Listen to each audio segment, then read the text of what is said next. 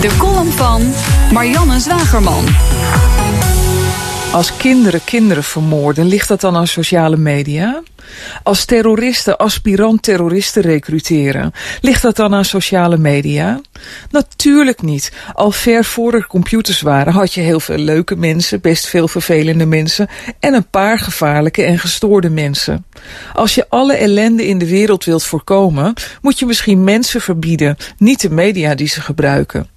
Toch leidt de discussie na elk incident weer op of de overheid sociale media niet aan banden moet leggen. Ouders hebben natuurlijk zelf de verantwoordelijkheid om hun kinderen zo goed mogelijk te beschermen en zich te verdiepen in de leefomgeving van hun nageslacht. Daar horen sociale media nu eenmaal bij. Toen Theresa May na de meest recente aanslagen in Londen opriep tot een einde aan de tolerantie voor moslim-extremisme, kondigde ze direct aan in gesprek te willen met de internetplatformen die extremisme faciliteren. Dat klinkt misschien als iets waar je niet tegen kunt zijn, maar het is de eerste stap op een glijbaan naar het einde van het vrije internet. Wat een overheid extreem vindt, hoeft niet per se aan te sluiten bij uw of mijn definitie daarvan. Laten we niet vergeten dat nog maar een paar weken geleden de Nederlandse minister van Media een boycott tegen geen stijl best een goed idee vond. Voor je het weet, leef je in een land waar je alleen nog Vrij Nederland en de Donald Duck mag lezen. Natuurlijk kunnen bedrijven als Facebook en Twitter best iets beter monitoren wat hun gebruikers allemaal uitvreten. Dat doet Facebook ook, maar niet op de manier waar we blij van worden.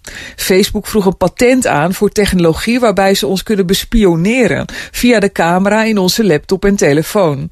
Zo kunnen ze zien hoe we op advertenties of artikelen reageren, zodat ze daar rekening mee kunnen houden bij het samenstellen van onze timeline. Best eng, toch?